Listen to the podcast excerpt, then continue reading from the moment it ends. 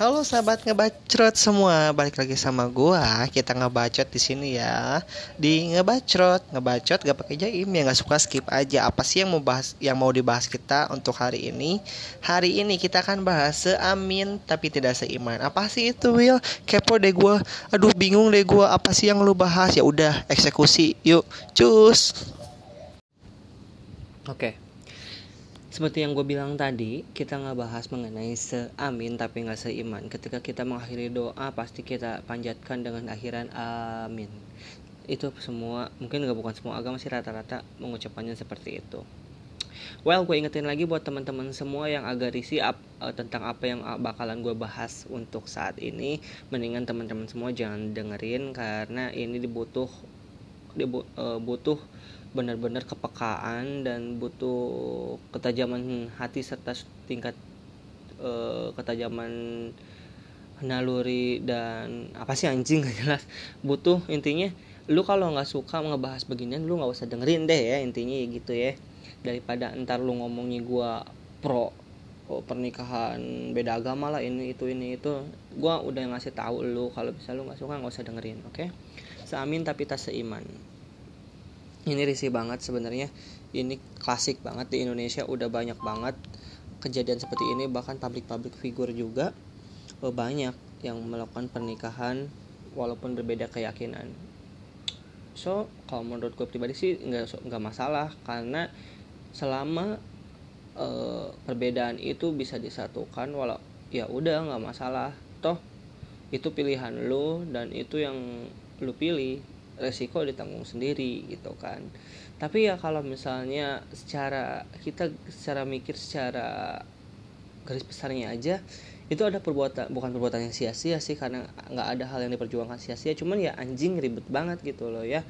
Pacaran yang seagama aja ribet apalagi ini yang beda agama gitu kan. Yang beda aga yang satu agama aja kadang-kadang ribet ribetnya dari mana banyak banget aspek-aspek yang yang diribetin sih sebenarnya. Padahal agamanya nggak ribet cuman kitanya aja yang bikin ribet gitu. Itu uh, poin pertama. Jadi nggak ngejamin pacaran beda agama pacaran beda agama itu emang ribet.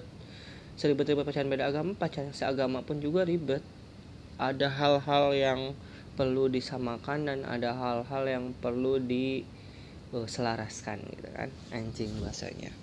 Nah terus kak gimana dong kalau misalnya gue ini sekarang gue lagi pacaran sama doi. Gue sama doi itu pacarannya beda agama beda keyakinan. Terus gue mesti gimana?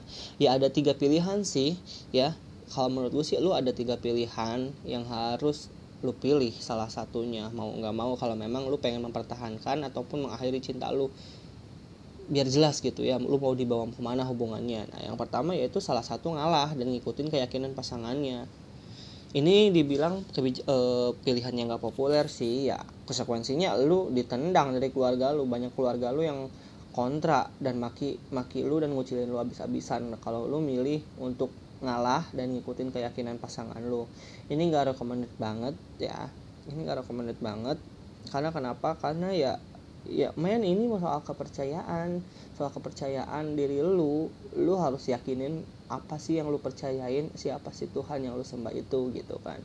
Kedua memilih tetap berhubungan dengan berkomitmen menjalani pernikahan beda agama di masa depan. Nah ini lu jalanin oke-oke aja cuman tantangannya itu cukup besar ketika lu satu atap berumah tangga dengan pasangan yang berbeda agama. Pasti banyak singgungan-singgungan keagamaan Eh, kontra-kontradiksi dalam hubungan itu. Apalagi nanti yang harus lo pertimbangin ketika lo menikah beda agama ada hal-hal yang bakalan bikin ribet bikin ruwet ketika lo punya anak. Dan anak lo harus megang keyakinan apa? Kelak karena ya bapaknya beda emaknya beda. Ya itu anjing yang bikin ribet dan yang bikin semuanya menjadi uh, absurd dan menjadi kompleks. Uh, gak simple gitu ya. Ketiga ya udah nggak ada jalan lain ketika jalan nomor satu itu kurang populer jalan nomor dua banyak rintangannya ya udah tiga. Lu mau nggak mau mengakhiri hubungan karena so buat apa lu ngejalanin hal-hal yang malah bikin lu ngebatin dan maka dan malahan bikin lu capek hati sendiri nggak sih? Ketika lu pacaran beda agama tuh bukan lu dong yang ngalah pasangan lu juga pasti banyak ngalah satu sama lain saling ngalah. Ya mending kalau terus-terusan bisa saling ngalah. Manusia kan egonya kuat egonya tinggi di mana sa gimana kalau misalnya salah satunya kekeh sama pendiriannya dan nggak mau ngalah. Ya karena emang urusan kepercayaan itu bukan untuk mengalah nggak ada soal apa, apa namanya eh, kepercayaan itu untuk saling mengalah nggak ada kan ya. Ya saran gue sih mendingan pilih nomor tiga aja mengakhiri hubungan toh jodoh ada di tangan Tuhan. Tuhan lu ah, siapa ya? Dia yang ngasih jodoh lu gitu kan. Kayak nggak ada lagi cewek lain kayak nggak ada lagi cowok lain. Mendingan kalau gue sih mendingan mengakhiri hubungan toh pada dasarnya capek hati anjing. Gue dulu waktu SMA pernah ngejalanin pacaran beda agama. Dan uh, beberapa bulan pertama oke-oke aja.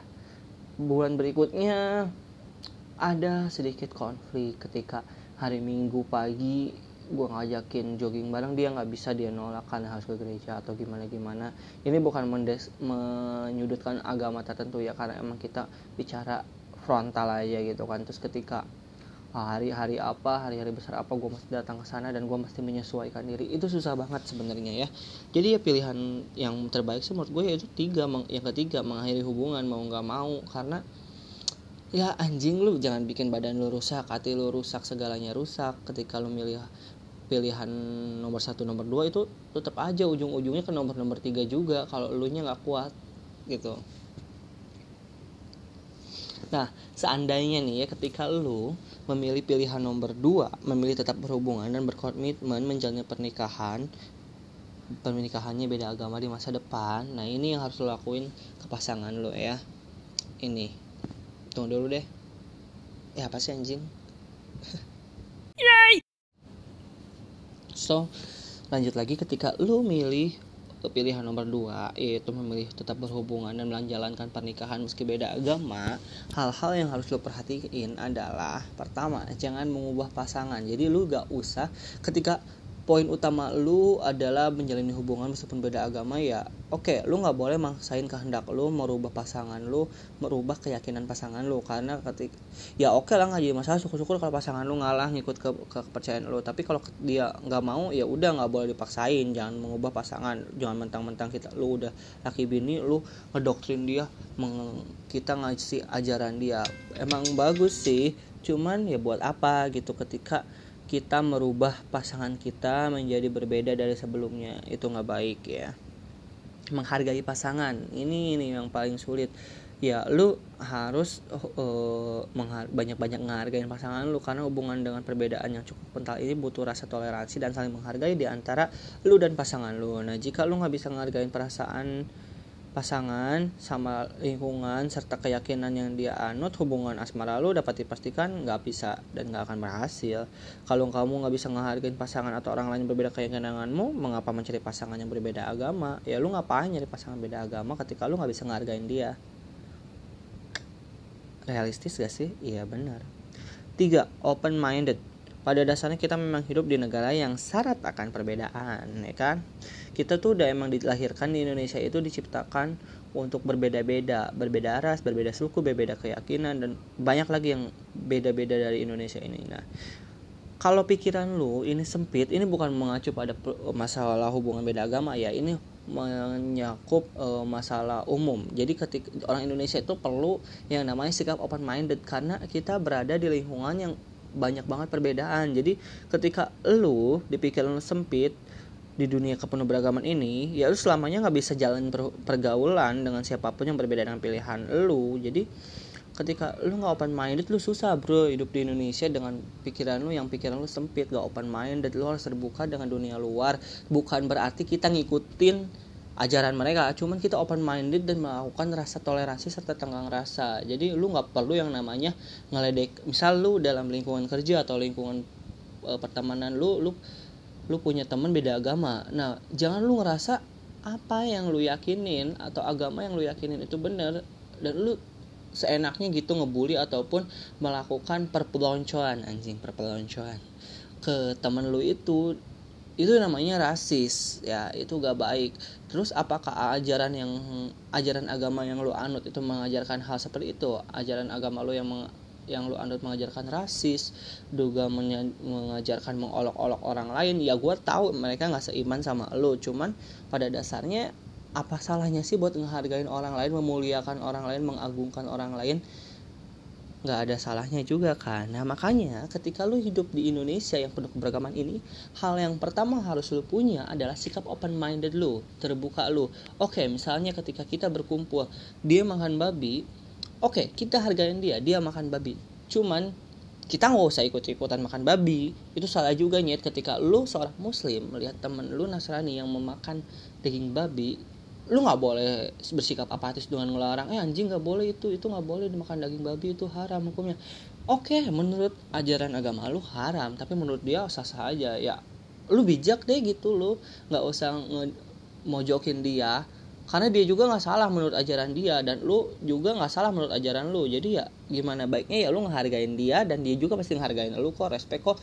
Toh dia juga ngerti ajaran agama lu yang lu anut. Nggak mungkin juga dia setiba-tiba ngasih daging babi itu ke lu karena dia juga tahu lu nggak boleh makan daging babi anjing. Nah kadang-kadang gua kesel sama orang itu yang maksain kehendak dia tanpa ngehargain di sekitarnya yang susah banget yang namanya open minded ini nih yang paling gue kesal dan paling banyak gue temuin.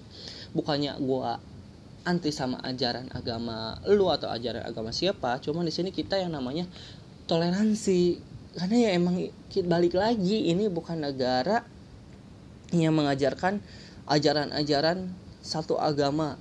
Ajaran-ajaran yang Indonesia itu ajarannya saling menghargai satu sama lain. Ketika ya kalau misalnya dalam agama Islam itu untukmu agamamu dan untukku pula agamaku. Dan agama Nasrani atau agama lainnya juga sama kan?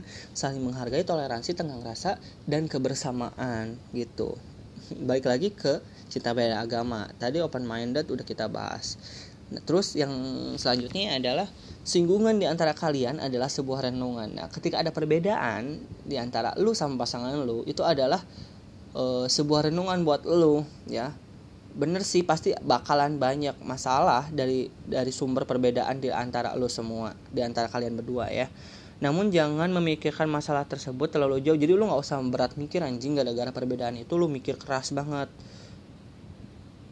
Ya intinya singgungan misalnya dalam hal perayaan ya bukan berarti gue nyaranin lu bukan gue nyuruh lu untuk ngerayain perayaan pasangan lu cuman ya menghargain lagi intinya saling menghargain dan open minded sih sebenarnya. Bicarakan masa depan cinta beda agama kalian. Jadi ketika lu udah memutuskan untuk menikah ya masa depannya gimana prospek ke depannya gimana pasti lu pengen punya anak. Nah untuk anak sendiri ya itu atur aja menurut menurut lo gimana anaknya mau ikut kepercayaan siapa itu atur aja. Karena gue sendiri belum pernah ngalamin hal itu ya. Nah ketika udah nih udah kita, lu udah memilih untuk memilih memutuskan untuk melakukan uh, melakukan melakukan anjing karena saling cinta ya.